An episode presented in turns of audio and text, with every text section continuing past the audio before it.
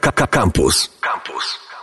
Drodzy słuchacze, witajcie w tym trudnym czasie. Tym razem nie spotykamy się z wami ze studia na Bednarskiej, gdzie jesteśmy aż za blisko siebie czasami. Tym razem dzieli nas e, ponad 200 kilometrów i e, nawet pewnie większa niż zazwyczaj mm, dziura, jak chciałem powiedzieć, e, przepaść mentalna. Ale Pięknie. spotykamy się w kolejce wypadków filmowych żeby porozmawiać o wszystkim tym, co przed, za i wokół kinowego ekranu dzieje się, a nie dzieje się nic. No nie, Więc bez przesady. Dzieje się za... Właśnie do, do tego dążyłem, Koper, że znakiem, że jednak to nie jest end of the world as we know it, że jednak coś się dzieje, jednak jest o czym porozmawiać i mimo tego, że kina nie działają, wstrzymano produkcję filmów, to e, w takim kinowym świecie sporo się zmienia i jest dużo rzeczy, które pewnie wpłyną mm, na to, jak będziemy konsumowali kino, jak ono będzie wyglądało, kiedy już e, wszystko się albo zelżeje, albo skończy. Większość, większość kin faktycznie jest y, pozamykana, ale do, do, dochodzą już do nas słuchy, że w Chinach otwarto, na powrót otwarto kina. Niektóre kina, Tak? w sensie no kilkaset kin zostało otwartych znów, także oni się nie boją już. To znaczy oni mieli pozamykane, tak jak wszyscy, tak jak my teraz, natomiast e, za, za, za, za, zaczęli otwierać. No, miejmy nadzieję, że to się nie skończy taką drugą falą zachorowań. Natomiast y, cała reszta świata przestawia się powoli na system VOD.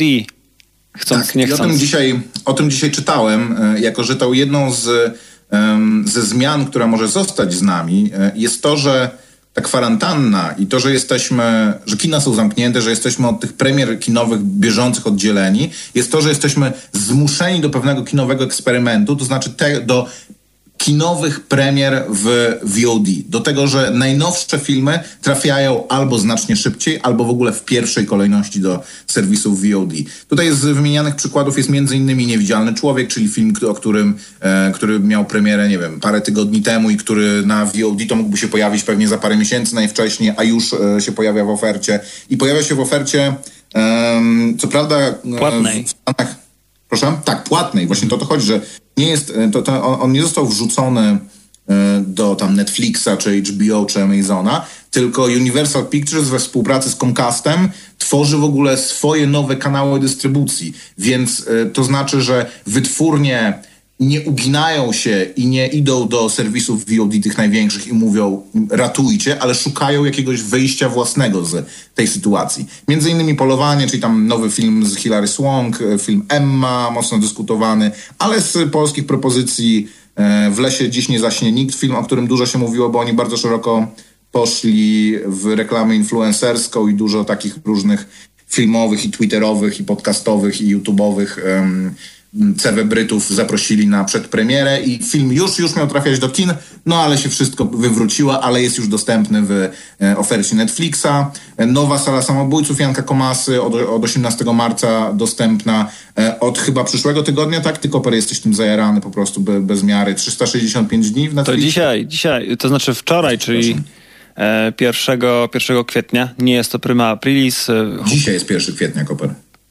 Kiedy to nagrywamy jest 1 kwietnia, a kiedy wy, wy tego słuchacie, drodzy słuchacze, to jest już 2 kwietnia. Miejmy nadzieję, że wszystko się uda, że to nasze połączenie międzywojewódzkie e, tutaj zadziała. Dojdzie i, do skutku. Tak jest. I nie okaże się, że wicher zerwał kable i, i, i, i, się, i się to wszystko wy, wyrypie. Także 2, 2 kwietnia, kiedy to słyszycie, to już prawdopodobnie yy, Wszyscy widzieliście. Wszyscy widzieli, bo cóż, cóż robić wieczorami.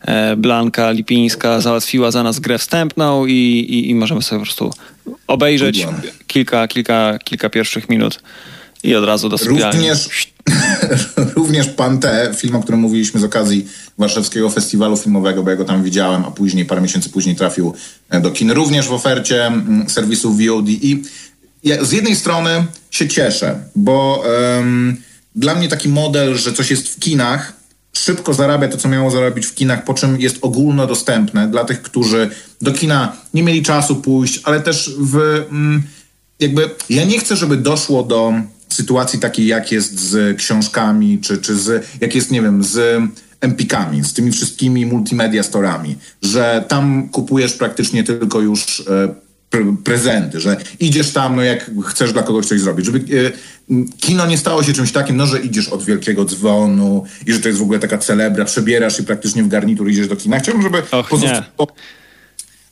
pozostało czymś może nie codziennym, ale czymś ogólnodostępnym i, i e, czymś miejscem, które odwiedzasz do, dość często, ale jednocześnie, żeby też, żeby ten mur między, między nośnikami E, fizycznymi i serwisami VOD trochę się zmniejszył, żeby, żeby ten dystans się trochę zmniejszył, a też mam wrażenie, że w zdrowym modelu, nie wiem czy akurat w taki, w taki sposób wymuszona sytuacja tworzy zdrowy model, ale e, w zdrowym modelu może to tak naprawdę dać szansę wszystkim. Już jest przecież tak, że różne filmy, które e, wytwórnie dochodzą do wniosku, że no w kinach to jest zbyt ryzykowne wypuszczenie tego, trafiają, są sprzedawane, są sprzedawane serwisom VOD, przynajmniej poza rynkiem amerykańskim. Nie jest tak tylko ze złymi filmami. Tak było między z tym nowym Cloverfieldem, ale było też tak z Annihilation z Natalie Portman, który był bardzo dobrym filmem. Przynajmniej czym inaczej. On jest bardzo dzieli krytyków, ale mi, mi on się podobał. Z innej strony tak naprawdę najbardziej uderza to właśnie w kina, bo dystrybutorzy e, i w dystrybutorów, bo wytwórnie starają się sobie radzić, y, VOD stara sobie radzić, ci, którzy dystrybutorzy fi, no, e, fi, fizycznych nośników starają sobie radzić, kina i dystrybutorzy pozostają kompletnie z ręką w nocniku, co jakby no, nie, nie cieszy absolutnie. E, a inna sprawa, że Mm, że do kin to pewnie pójdziemy nie wcześniej, ale może to jakieś dodatkowy, dodatkowe zapotrzebowanie wytworzy. Masz tak kopę, żebyś się do kina przeszedł teraz? Bardzo. Dla mnie kino było... Yy, nigdy nie było takie, takie, takim doświadczeniem, no może jak byłem takim bardzo małym dzieckiem, to wtedy wyjście do kina było świętem. Mieszkałem w takim mieście, w którym było jedno kino, e, kino Millennium w Łomży E, ale jak już się to skończyło, jak, e, jak już byłem w stanie sobie kupić własny bilet, to kino nie było dla mnie taką instytucją jak teatr właśnie, gdzie obserwowałem ludzi, którzy się ubierali jak na święto, co mnie zawsze mierziło, bo idę, żeby coś zobaczyć. Wiadomo, że szacunek dla aktorów i tak dalej. No tak, ale idziesz mieć... konsumować kulturę, to jakby... Dokładnie, nie, nie... to jest dla mnie wydarzenie, to jest dla mnie... Y, ja z tego czerpię wielką, wielką przyjemność, żeby oglądać jakąś historię niesamowitą, która na, na, na te dwie godziny, na godzinę, półtorej da mi złudzenie, że żyję w jakimś zupełnie innym świecie, mogę się zanurzyć w jakiejś historii y, i po to idę do kina, po to mógłbym chodzić do teatru, gdybym, no. gdybym był takim właśnie widzem teatralnym. E, a nie, a nie po to, żeby w jakiś sposób jakoś mocno, no żeby to było święte, żeby, żeby to jakoś celebrować, a byłem i jestem nadal zawsze za tym, e, podejrzewam, e, że, że tak jak ty, za swobodnym dostępem do kultury. Więc żebym mógł wybierać, czy obejrzę dany film w kinie, czy obejrzę go sobie w, na kanapie u siebie w salonie, to byłoby dla mnie idealną sytuacją, gdyby te filmy pojawiały się jednocześnie. Jest wiele osób, które no. nie wyjdzie z domu do kina, e, choćby nie wiem e, co, bo jest, e, nie wiem, przykute, przykuty do, jest to człowiek przykuty do łóżka i dlaczego on ma czekać aż pół roku na to, żeby, żeby móc podyskutować ze znajomymi w sieci, bo jakby sieć nie czeka na ciebie i, i zespoiluje ci totalnie nowy sezon, nowy film, nowego Spidermana, nowe, nową Wojnę Światów i tak dalej. No tak, zwłaszcza, zwłaszcza te kasowe filmy, które bardzo długo są w kinach, bo one rzeczywiście są w stanie w, kinie, w kinach zarobić to, co chcą zarobić i trafiają do dystrybucji, tak jak Gwiezdne Wojny, czy tak jak filmy Marvela, no naprawdę e, parę ładnych miesięcy później, często pół roku prawie e, później. I to jakby zaraz, bo ja słyszę w głowie głosy ludzi, którzy mówią, że no to jest zupełnie co innego. W kinie i e, na kanapie to jest zupełnie, zupełnie inne doświadczenie. I ja się absolutnie z tym zgadzam. Tylko ja bym chciał mieć możliwość decyzji, tak, że, że to jest moja decyzja. Są filmy, które tak bardzo chcę zobaczyć w kinie, że idę na nie do kina i choćbym e, miał je e, dostępne gdzieś, to nie obejrzę e, ich, a często mam je dostępne gdzieś, to nie obejrzę ich, poczekam, a czasami jest tak, i coraz częściej, szczerze mówiąc, mi się, mi się to zdarza z upadającym rynkiem kinowym. Miałem tak chociażby z The Lighthouse, że zamarodziłem dwa tygodnie już praktycznie tego filmu nie byłem w stanie zobaczyć, ponieważ był grany w paru kinach w godzinach takich, że zepchnęły go na miejsce, nie wiem, wczesnego popołudnia albo bardzo późnego wieczoru e, filmy, które miały większe szanse na większą widownię. Więc jeżeli ktoś mi mówi, że mam zupełnie otwartą sprawę, to jest tylko kwestia mojego wyboru, to, to, to jest nieprawda. To zamykając ten temat, w takim razie dzisiaj na wirtualnych mediach się pojawił artykuł na ten temat i w nim wypowiedź um, Marka Sowy um, który tak, który komentuje, um, który komentuje tą sytuację. Mówi, epidemia COVID-19 może trwale zmienić zarówno układ w branży filmowej, jak i przyzwyczajenia widzów. Zamknięcie kin powoduje, że studia filmowe decydują się na przeniesienie premier kinowych do serwisu VOD lub odkładają je w czasie. Jeszcze kilka miesięcy temu właściciele kin mieli na tyle silną pozycję przetargową, że wielu z nich mogło sobie pozwolić na odrzucenie propozycji zaledwie miesięcznego okna dystrybucyjnego dla Irlandczyka Netflixa, hmm. bo tak miało być, że Irlandczyk miał być przez miesiąc w kinach Mm, I tak chyba było w Stanach zresztą, że miał być przez miesiąc w kinach, po czym dopiero miał się pojawić na Netflixie, a branżowym standardem jest to, że jest trzymiesięczne okno dystrybucyjne. I mam wrażenie, że za ten miesiąc czy półtora, no ja życzę wszystkim, żeby to był miesiąc, czy nawet parę tygodni, kiedy już będziemy do tych kin mogli chodzić, to ten trzymiesięczne okno dystrybucyjne będzie po prostu absolutnie nie, nie, nierealne, bo E, wszyscy będą się oba... E, raz, że wszyscy będą musieli nadrobić straty, dwa, że wszyscy będą się obawiali, że przyjdzie coś, ko kolejna taka sytuacja, no i oni już sobie wtedy nie poradzą. A poza tym po prostu świat się zmienił. Już jakby minęło parę tygodni i żyjemy w zupełnie nowych e, realiach. Dokładnie. Że, ale jakby w tej sytuacji, jak zwykle, jak zwykle, najlepiej na tym wyszedł Disney, który mm. otworzył własny serwis VOD, także nie musi iść do nikogo po prośbie, do jakiegoś Comcastu, Netflixa czy kogoś innego, tylko może sobie to samo zrobić na własnej platformie. Albo zaczekać, bo oni powiedzmy mają pieniądze wystarczające. I trafili, i trafili z tym e, w, no idea, jakby można wiedzieli. jakby wiedzieli, dokładnie. Dajcie znać, e, co, co myślicie na ten temat na Kronika Wypadków Filmowych na Facebooku. E, przeczytamy Jak już zauważyliście po naszej rozmowie na temat daty, nie jesteśmy dzisiaj na żywo. Nie? Więc nie, nie ślijcie SMS-ów, ale na Facebooku e, ale na, na, Facebooku jesteśmy i chętnie przeczytamy, co, co myślicie na ten temat.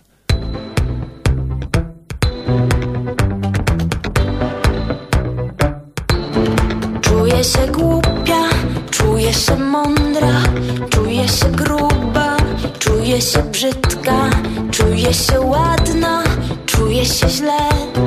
Czuję, że sama ze sobą to nie. Może mi podpowie Google Now Nie ma odpowiedzi na mój stan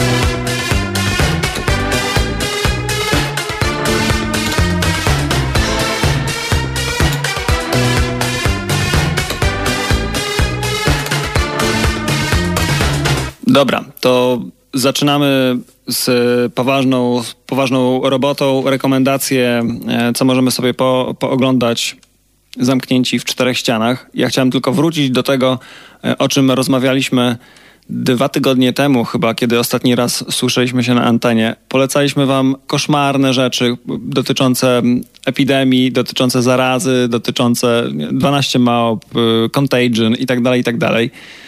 To był fatalny pomysł, y, o czym się przekonałem, kiedy wróciłem do domu i próbowałem sobie zapuścić coś o zarazie, o tym jak ludzkość przegrywa, później znajduje się bohater, rozwiązanie i tak dalej. Trzeba się... Przyjemnie obejrzeć, kiedy nie jesteś w tej sytuacji, kiedy oglądasz to i mówisz, pff, ale by było ciężko. dokładnie, dokładnie. Także przepraszam najmocniej. W tych y, trudnych dniach trzeba się po prostu zresetować i oderwać. I taki, y, taką rzecz y, znalazłem, taką rzecz chciałbym wam polecić i z tego, co rozmawiałem z Maćkiem, Maciek też widział. Ja co prawda jeszcze nie do końca, więc nie jestem w stanie zepsuć wam wszystkiego. Jest to e, serial dokumentalny pod tytułem Tiger King Murder, Mayhem and Madness. E, możecie go zobaczyć na Netflixie. I jest to e, dokument z, z obszaru z obszaru zbrodniczych, tak? To jest true, true crime documentary. I opowiada historię zbrodniczego Y, bez wątpienia zbrodniczego procederu y, trzymania w domu lub na ranczu lub na posiadłości, w posiadłości swojej dzikich, egzotycznych zwierząt, a, a, zwłaszcza, a zwłaszcza dzikich, wielkich kotów w Stanach Zjednoczonych. E, i... On się rozpoczyna tym takim faktoidem znanym, że w, tam oni mówią w Stanach. Ja to słyszałem mhm. w wersji i czytałem to w wersji, że w samym Teksasie Więcej e, zwierząt żyje na uwięzi, więcej tygrysów żyje na uwięzi niż na całym świecie na wolności. Co jest wstrząsające e, absolutnie i jest punktem wyjścia tego dokumentu, ale jak to, jak to cały ten gatunek Netflixowy, dokument... Nie jest to aż takie łatwe, jakby się wydawało, tak? No, jest o czymś wiele więcej, o czymś znacznie więcej niż o trzymaniu dzikich, egzotycznych zwierząt w klatkach w Oklahomie czy gdzieś w tamtych okolicach. Film wyreżyserowała para. Eric Good i Rebecca e, Chaiklin. I Eric Good, ja sobie go wygooglałem, on na początku tego dokumentu daje taką scenkę z własnego życia o tym, jak e, któregoś razu do, do, do, jakiegoś dokumentu, który kręcił, czy, czy jakiegoś filmu, mm, na, na, na, jego potrzeby odwiedził handlarza gadami, dzikimi zwierzętami, ale raczej to były gady, węże, jaszczurki. E, I w pewnym momencie, kiedy kamera e, nagrywa, zjawia się człowiek, e, żeby kupić dwie małe kobry, czy kobrę, jedną małą kobrę i tak dalej. Gadają przez chwilę, po czym e, człowiek ten mówi: Ej, nie uwierzycie, co mam w swoim wanie, w takim białym wanie porywaczy e, i hydraulików. I prowadzi ich, a jest 40 stopni, to jest Floryda, upał, e, hajcuje na maksa. I on od, odchyla te drzwi tego wana i tam w środku y, pantera śnieżna w takim końcu jak dla kota. Y. Mglista. Właśnie oni mnie pytają, czy to jest śnieżna. On mówi, że jest jeszcze rzadsza niż tak. śnieżna. Tak. Mglista. Więc on, Erik, nie był w stanie w sensie pojąć, co kieruje ludźmi że sobie tak zbierają te zwierzaki i co później z nimi robią. E, I jak mówi, tak się zaczęła jego sześcioletnia chyba przygoda z, z tym tematem i przez sześć lat śledził e, trzy cztery najważniejsze takie postaci, które ludzi, którzy się zajmują właśnie hodowlą, niektórzy hodowlą, niektórzy ratowaniem, niektórzy tylko wystawiają, niektórzy wypożyczają je do filmów. I co powoduje tymi ludźmi? Jakie mają motywacje y, właśnie i, i, i co się dzieje w ich życiu poza tym, że mają te wielkie koty, czy, czy jakimi są ludźmi, czy to są ludzie odpowiedzialni, czy nieodpowiedzialni, e, czy to są szaleńcy, czy to są mm, zupełnie normalni ludzie i jak się okazuje, nie są to zupełnie normalni ludzie. E, są to ludzie, którzy mają e, niejednokrotnie jakieś powiązania kryminalne. E, są to ludzie, którzy przemycali kiedyś narkotyki. Okazało się, że zwierzęta są lepszym interesem. Dzikie zwierzęta są to ludzie, którzy mają za sobą jakąś przeszłość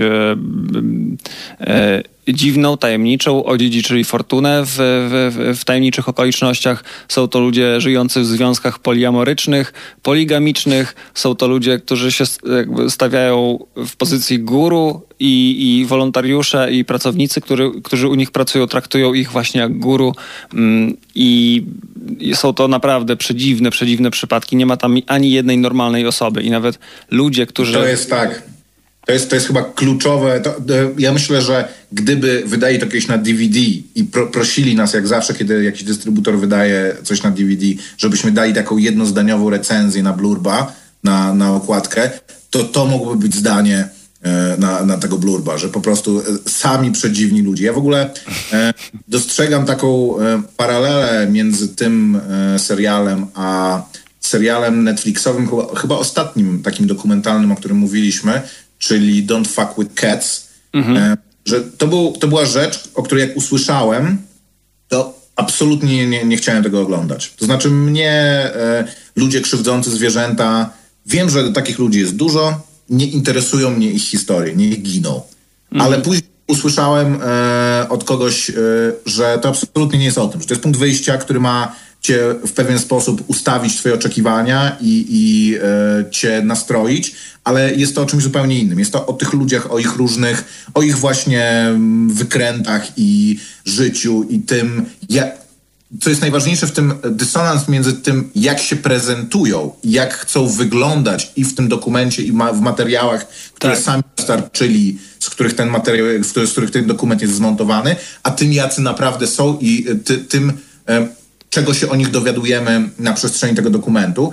I e, Mm, co, co, co jest jakby dla mnie najistotniejsze, czyli jakby tym, co mnie zainteresowało, to to, że jest e, ustawiona pewna taka mm, nierównowaga między nimi, czy pewna przeciwność między nimi, że jest paru bohaterów, i oni są wszyscy między sobą, wszyscy się znają i wszyscy są skonfliktowani. To znaczy jest jeden gość, który prowadzi właśnie taki, ma po prostu prywatne zoo, w którym trzyma setki kotów i niedźwiedzi i różnych innych dzikich zwierząt i e, w okolicy, czy dwa stany dalej, jest babka, która zajmuje się ratowaniem zwierząt. To znaczy wyciąga zwierzęta z takich właśnie prywatnych zoo i co z nimi robi? Zamyka je w identycznym prywatnym zoo, które praktycznie niczym się nie różni. No, tam jest ta różnica, że ona, ona nie, y, nie rozmnaża tych kotów, bo...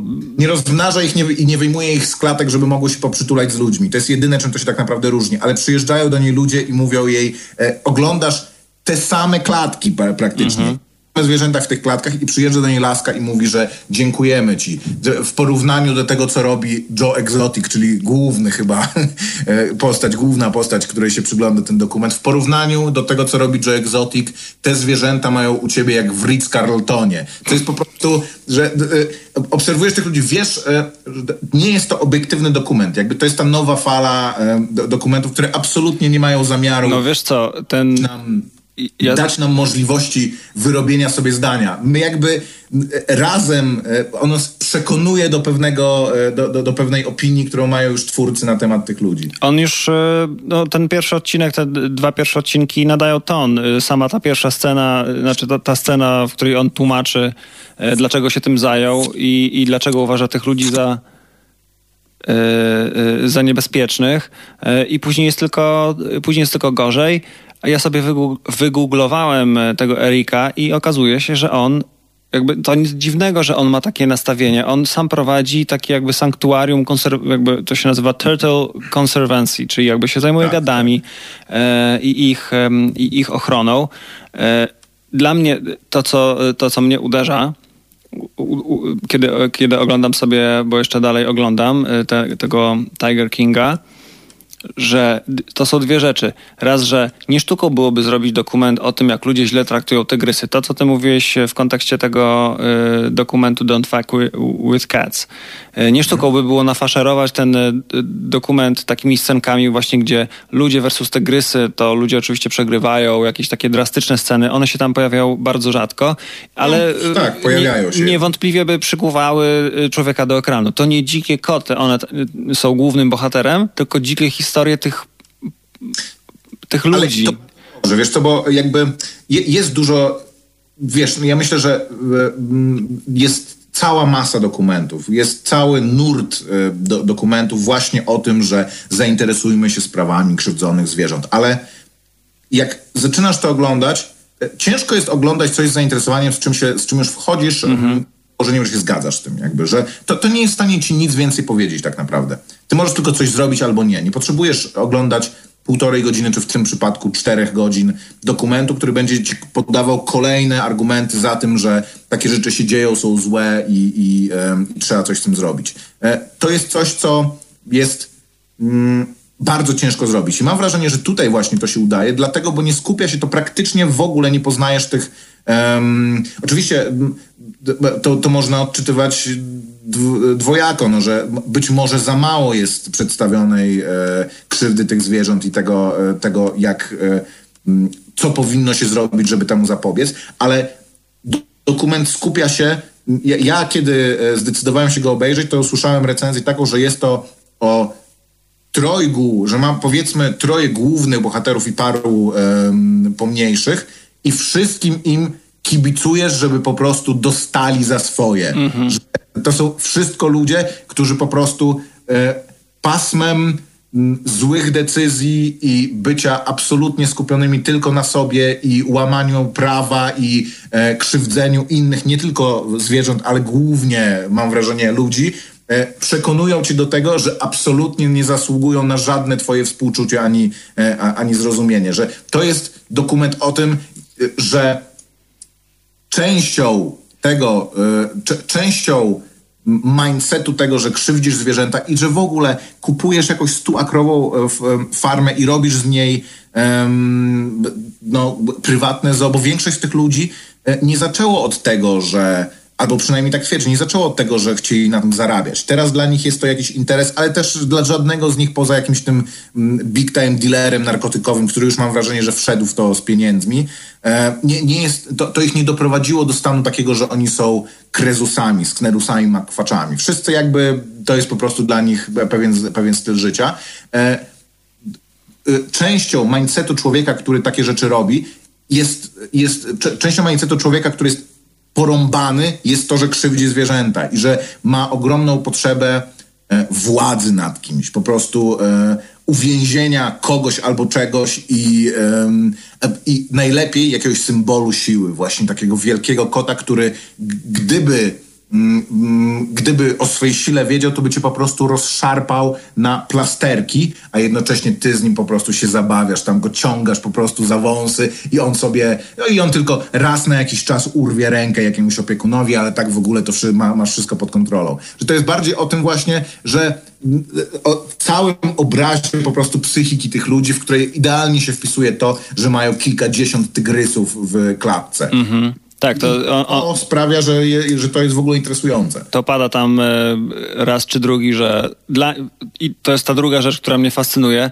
że twórcy tego dokumentu dostali pełny jakby pełny dostęp do ich życia. Oni się chętnie wszystkim podzielili, e, myśląc, że to co, to, co pokazują, stawia ich właśnie tak jak e, w dobrym świetle. Tak jak się prezentują ludziom, którzy płacą za bilety wstępu i się prezentują jako właśnie pan dzikiego zwierzę, zwierzęcia, albo nie wiem, jego przyjaciel, jego bratnia dusza i tak dalej, ale mimo wszystko ktoś jakby, Poskramiacz. Po, tak, ktoś e, wyżej e, niż taki zwykły śmiertelnik i to wszystko e, na szczęście udaje się za, zajrzeć za tę zasłonę i obnażyć i obnażyć ich małostkowość, ich chęć, takie parcie na szkło, ich parcie na, do, do sławy i, ta, i, i, i, i tak dalej. Jakby ich bardzo e, liche kręgosłupy albo niskie poczucie wartości. Ja sobie zrobiłem taki tak. mały research tutaj, żeby sprawdzić,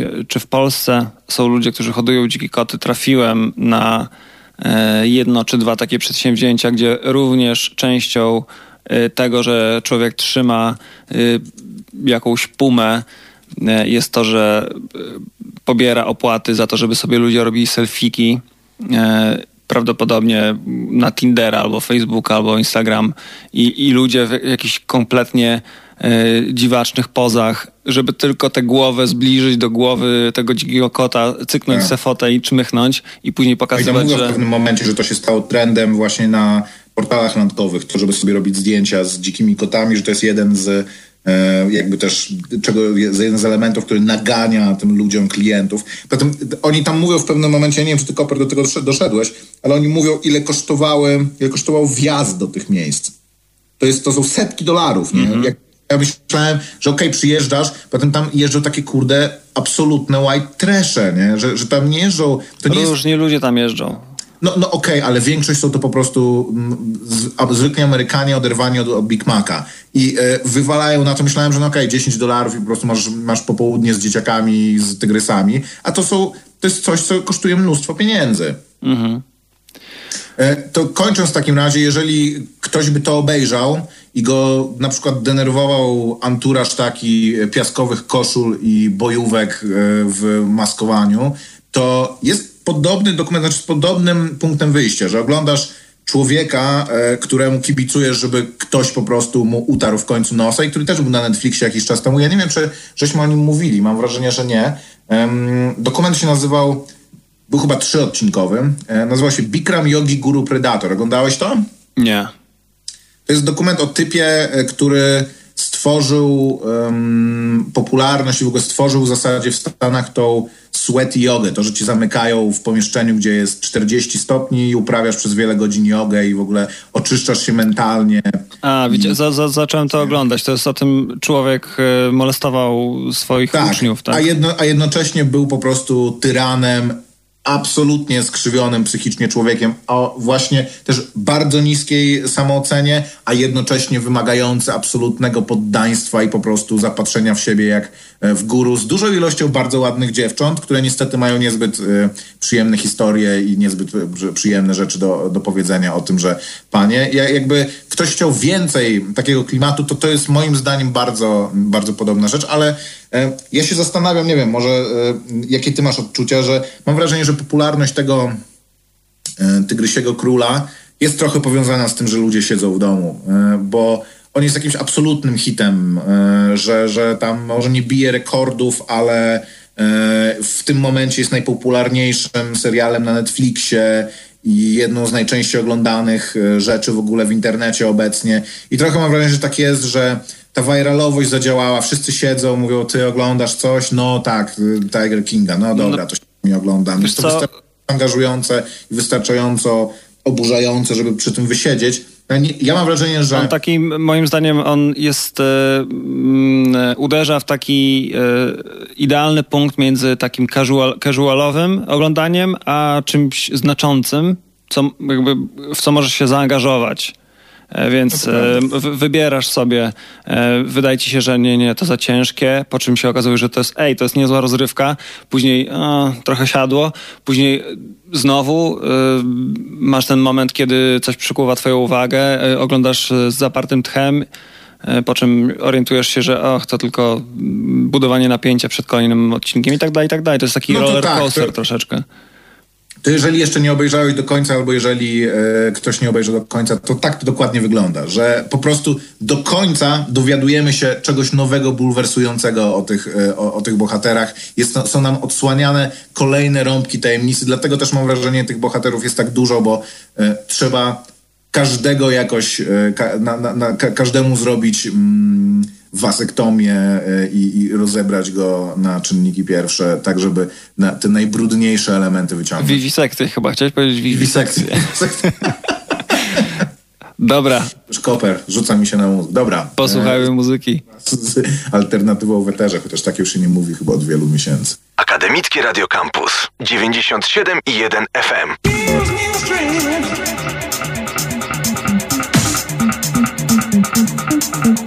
Thank you. Thank you.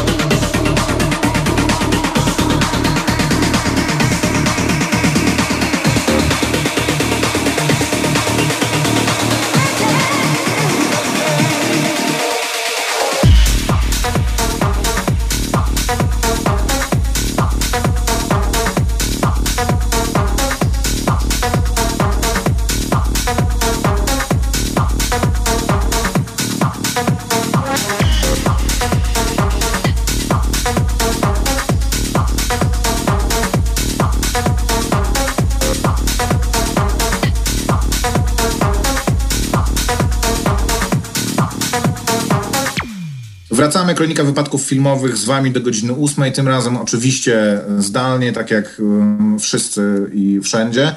E, no a co robiliśmy, a przynajmniej niektórzy z nas, poza tym, że oglądaliśmy seriale dokumentalne na Netflixie, oglądaliśmy seriale dokumentalne na Amazonie.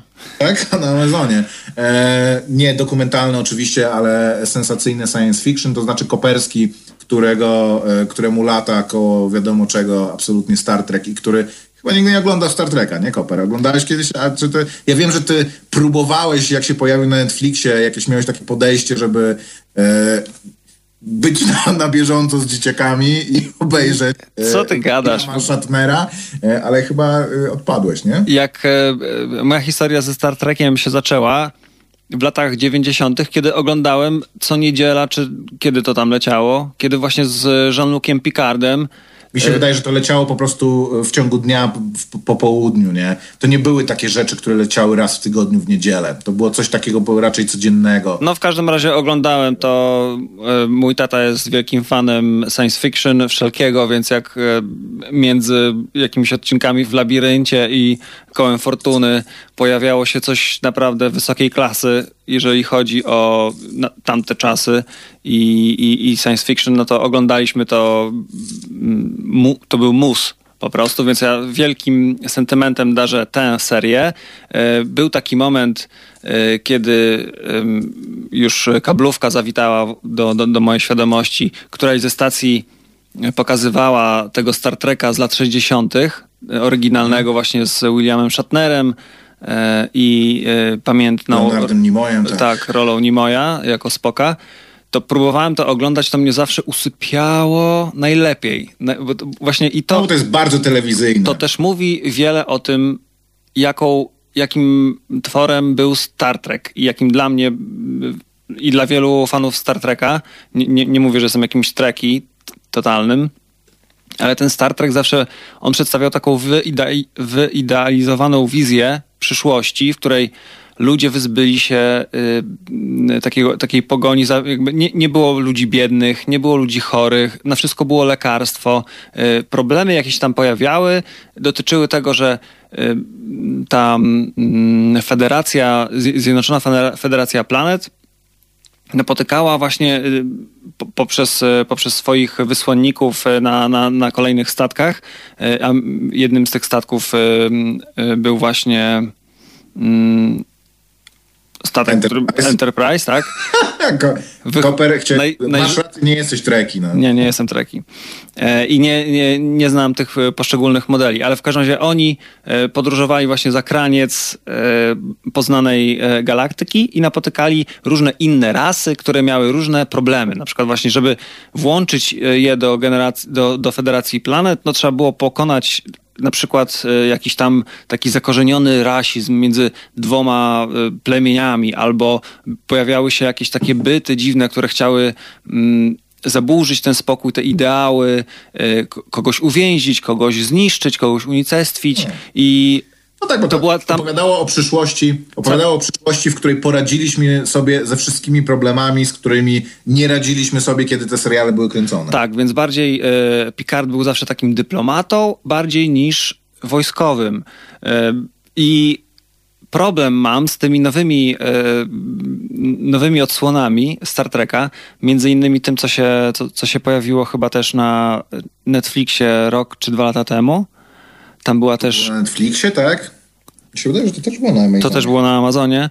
E, to, nie wiem, nie jestem pewien, to ale możliwe. o Voyagerze mówisz, tak? Tak, i zaczęły się ja strzelaniny, jeden, zaczęły się pod... Tak, właśnie, ale to oni poszli w drugą stronę, że oni chcieli zrobić z tego taki trochę Star Trek, czyli powiedzmy bohaterowie jakoś lepiej rozpisani i jednak polityka i, i e, galaktyka niegwiezdnowojenna, ale jednak ze strzelaniem nie z tych phaserów, które wyglądały jak maszynki do golenia i strzelały takim po prostu dołożonym laserkiem, ale czymś, co wygląda na nasze czasy. I to według ludzi, którzy e, się uznają za absolutnych ekspertów, czyli Red Letter Media, nie udało się to wcale. Ale Picard, o którym mówisz, chyba udał się też średnio ich zdaniem. E, udał się połowicznie, bo e, rola e, Picard, w ogóle o co chodzi? Kilka lat po tym, po ostatnich wydarzeniach, w których brał udział Jean-Luc Picard, kiedy zginął Data, czyli android, taki jeden z członków załogi Enterprise'u, który poświęcił swoje życie. Picardowi się on dalej śni, a jednocześnie poznajemy, poznajemy taką historię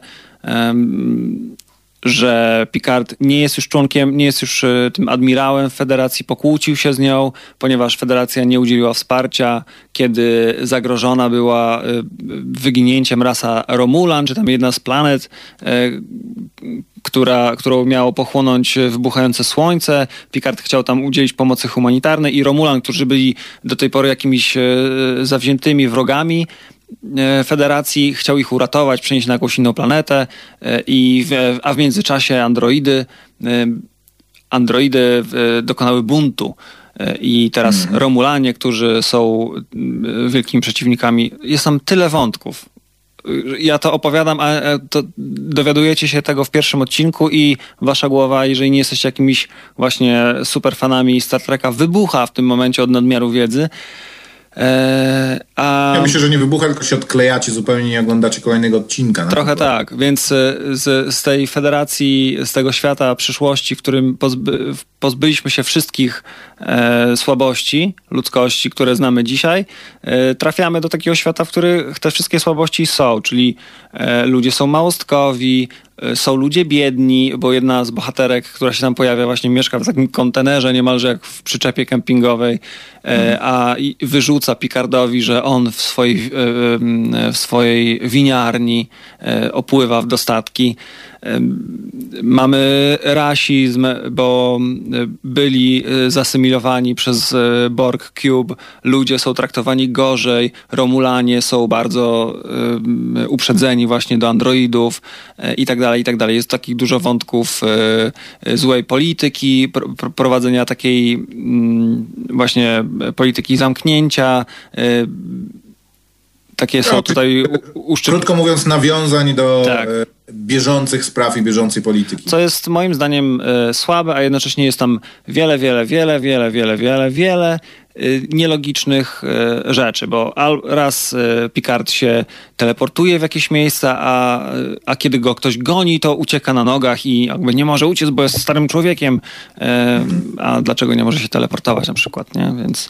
To tylko wtrącając się, bo... Mm to, o czym mówiłeś jako, jako pierwszym, czyli tym, że Star Trek trochę zapomniał, mm, dlaczego był popularny i co stworzyło jego, e, jego sukces, bo dla mnie te wszystkie rzeczy, te, ten punkt wyjścia, um, że w przyszłości poradziliśmy sobie ze wszystkimi swoimi problemami i teraz jesteśmy po prostu siłą pokoju i jedyne co robimy, to latamy po wszechświecie, mamy przygody i niesiemy przesłanie um, współpracy i, i, i nadziei wszystkim tym, którzy jeszcze jej nie słyszeli. Dla mnie to zawsze było absolutnie nieatrakcyjne, naiwne i ja nie tego zupełnie szukałem w e, science fiction. Więc je, dla mnie, ja próbowałem ze Star Trekiem, nie powiem, że wielokrotnie, ale na różne sposoby starałem się go obejrzeć.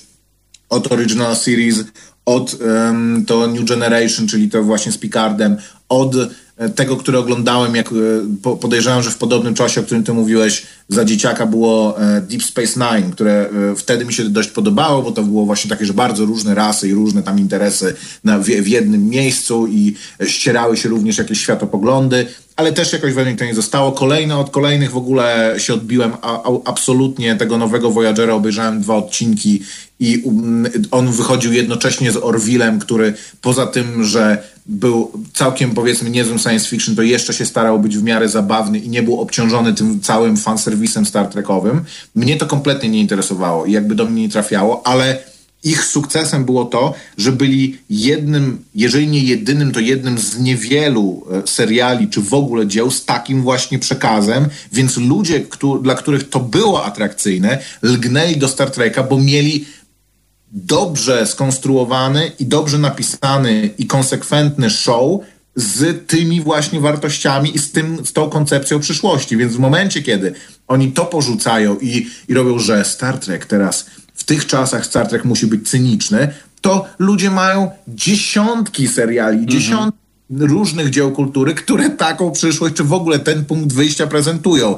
Więc w momencie, kiedy Star Trek się zmienia w to, to poza tym, że ten łysy gościu mm, mieszka w winnicy to, i, i e, oglądasz go znowu po latach. Zresztą, ja nie wiem, miałem wrażenie, że większość fanów Star Treka teraz to wcale nie są ludzie, którzy oglądali po prostu zapartym tchem New Generation, tylko którzy sobie słyszeli o tym, trochę sobie nadrobili, ale są fanami bardziej aktualnymi, a nie ludźmi, którzy, którzy, w, tym, którzy w tym wyrośli. Akurat, Więc... Y, akurat rola y, y, Patryka Stewarta jest jakby, on świeci na ekranie, to znaczy oczywiście gra starego no, okay. człowieka, tak jak w, mhm. jak w, Wolver w Wolverinie, e, gdzie tam przecież gra tego profesora X i tutaj ma tak, podobnie... On go, gościu gra od 30 lat starego człowieka, mm -hmm. to Dobrze dla niego. W każdym razie, no dobrze, dobrze go sobie zobaczyć e, na ekranie, ale mam taki wniosek, tak jak e, e, nie ma, nie ma teraz meczów, ani NBA, ani piłki nożnej i tak dalej,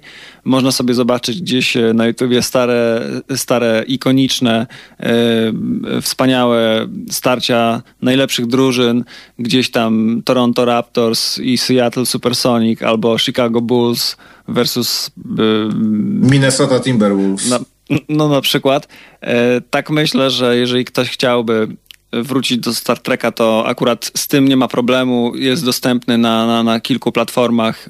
Jest na Netflixie, są te pierwsze odcinki, są te, e, są te odcinki z Picardem, także z tym, z tym nie ma problemu. Oczywiście jest to trudno strawne, niektóre rzeczy są, są dziwne, są właśnie takie, są to czasem usypiacze, bo to nie... Bo wiesz, Koper, nasz problem też jest taki, że my żyjemy w złotej erze telewizji. Jak tak oglądasz jest. Rzeczy, to myślisz sobie, po pierwsze w nich strasznie widać tą telewizyjność, strasznie widać to, że scenariusz jest napisany pod, e, pod to, że scenarzyści musieli pamiętać o przerwach reklamowych i o tym, że co trzeci odcinek jest taki odcinek, w którym może być coś, co później będzie wracało, ale pozostałe dwa odcinki muszą być zamknięte w sobie i to jest tak jak ja, ja próbowałem jakiś czas temu nadrobić czy obejrzeć z archiwum Mix, które było dla mnie po prostu absolutnym mm, szałem mojego dzieciństwa. Uwielbiałem e, z archiwum Mix i jakby nie pamiętałem zupełnie, żeby w, w, tym było jakąkolwiek telewizyjność czuć. A Boże, no to jest po prostu tak,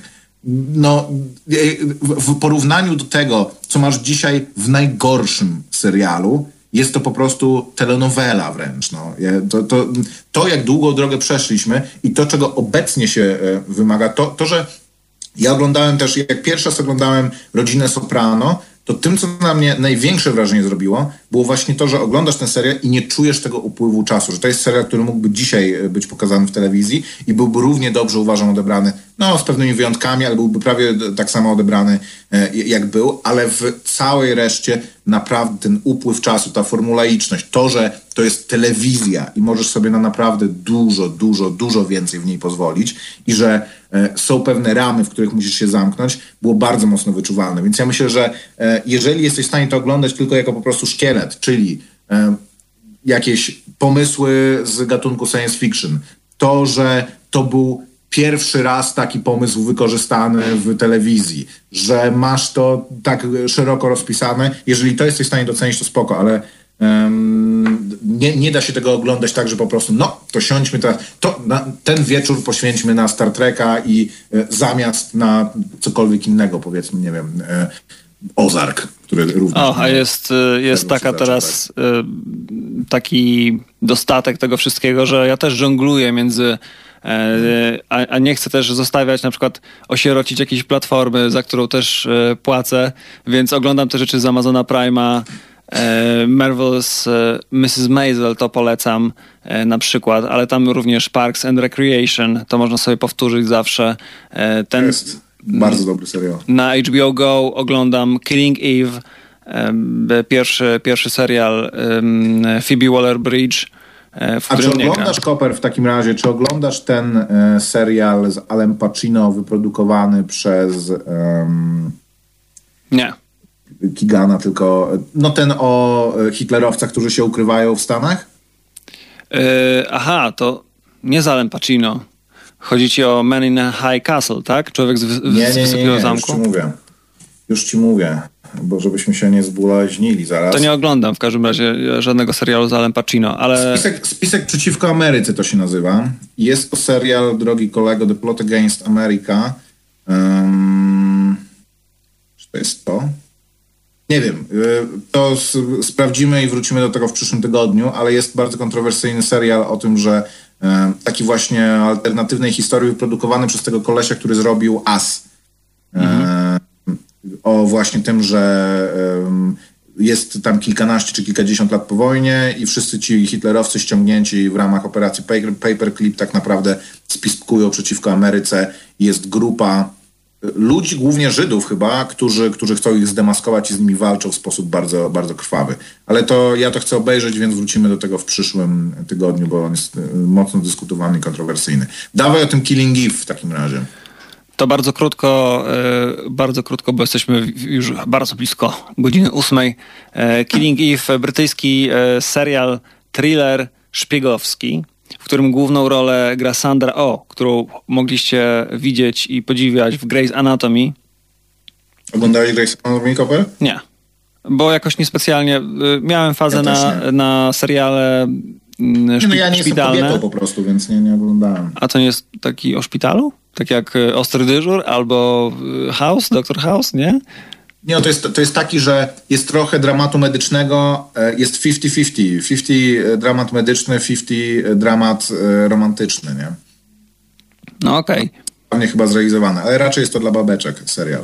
Oberwę za to pewnie ale... E, Christina Young to była jej, to była jej rola. E, za nią oczywiście dostała e, Złotego Globa i teraz za e, rolę mm, w Killing Eve e, a zdziwiła się mocno podobno, e, kiedy zaproponowano jej główną rolę, bo była przekonana o losie w ogóle ciężka, ciężka sprawa dla aktorki, że dostaje scenariusz, czyta go i ktoś jej się pyta, czy chciałaby zagrać główną rolę. Ona jest zaskoczona, bo do, dotychczas była przekonana, że e, wszyscy chcą ją obsadzać tylko jako przyjaciółkę głównej bohaterki, jako rolę drugo, drugoplanową. No w każdym razie tutaj również e, Złoty Glob. I e, gra tu bardzo ciekawą rolę dziewczyny, która pracuje w MI5, ale w takiej tajnej komórce, i w zasadzie nie jest jakimś super szpiegiem, tylko ma intuicję, e, też nie wierzy w siebie na początku i wpada na ślad seryjnej morderczyni e, w, w tej roli e, Jodie Comer, której nie znałem wcześniej. To jest brytyjska aktorka. I jest to też bardzo ekscentryczna postać w, w tym serialu.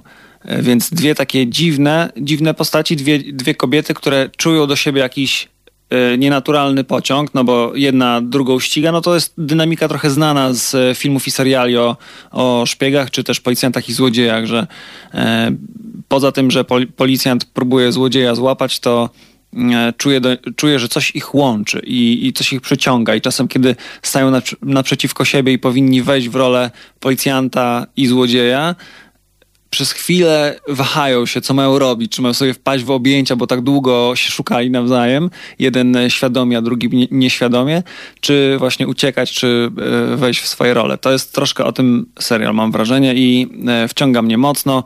E, Właśnie ta Sandra Oh jako Eve Polastri, to świetna rola. Można ją oglądać. Ona ma niezwykle taką wyrazistą grę aktorską. Ta, ta jej twarz wyraża, wyraża momen, moment, momentami tyle emocji naraz i jakiegoś właśnie zawahania i jakiegoś e, smutku i jakiego, jakiejś właśnie determinacji. E, można by długo o tym rozmawiać, ale lepiej to obejrzeć. Killing Eve e, na HBO Go jest dostępny. To w takim razie na sam koniec praca domowa. Ja, w, kiedy Koper opowiadał o Killing Eve, sprawdziłem o co mi chodziło i przepraszam e, Amazon i HBO Go. E, Otóż chodziło mi o serial Hunters, który jest dostępny na Amazon Prime Video. E, Cały dziesięcioodcinkowy pierwszy sezon został em, 21 lutego em, wyemitowany, udostępniony w tejże platformie.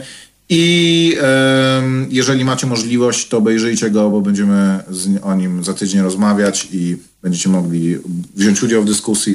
Podejrzewam, że e, post e, po odcinku i na Facebooku, bo pewnie będziemy też zdalnie. Mam nadzieję, że nie postapokaliptycznie. Właśnie co- cofnąłem się, mówiąc to, to jest wiesz, jedno z tych teraz słów, których się nie powinno wypowiadać. Dobra, dziękujemy wam bardzo. Trzymajcie się, słuchajcie, tam na tej kwarantannie e, czy samoizolacji i mm, jak już wam się nudzi oglądanie wszystkiego, to przerzućcie się na książki albo sprzątanie mieszkania. E, Jak tam sobie Koper radzisz? Wszystko e, masz już dość, czy, czy jeszcze byś sobie posiedział w domu? Ja trochę dzielę, y, dzielę opinię z y, naszym wspólnym znajomym Tomkiem, który dziwi się bardzo mocno, kiedy ludzie mówią, że mają tyle czasu, teraz mogą oglądać seriale. Nie mam wcale więcej czasu niż, e, niż normalnie, bo A, to prawda, ja też tak tego doświadczam. no.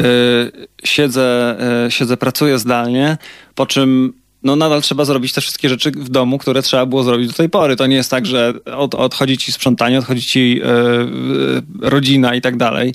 Y, jeszcze, jeszcze... Ja się, ja się zastanawiam, na czym ci ludzie spędzali cały ten czas poza domem. Nie wiem, spacerowali, zakupy robili przez dwie godziny, nie, bo poza dojazdami do pracy, powiedzmy sobie, e, jeżeli po prostu jesteś w stanie pracować tylko w pracy i e, w tym momencie masz tak, że pracujesz zdalnie, czyli zdalnie, no to możesz się zdziwić za jakiś czas, jak wrócisz do pracy i przyjdzie jakaś ewaluacja tego, co robiłeś.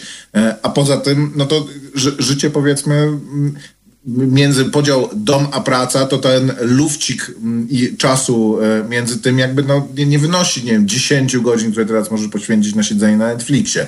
Swoją drogą jeden z dziennikarzy się e, zdradził właśnie tym, że wrzucił, chciał takiego zabawnego posta wrzucić na, na Twitter i wrzucił e, dziennikarz Onetu, że tam e, pobudka Netflix, bieganie Netflix, jakiś tekst Netflix, e, coś tam, kąpiel Netflix, sen Netflix. To jako pierwszy polubił Bartosz Węglarczyk, czyli jego przełożony, który później tam oczywiście, że on skomentował, no, że on na szczęście ma duży zbiór Blu-rayów, więc głównie tym się zajmuje. Ale myślę, że uważajcie ludzie, co piszecie teraz na Facebooku. Udawajcie, że jesteście od godziny 9 do 17 zajęci. To taka porada od człowieka, który codziennie od 9 do 17 jest zajęty.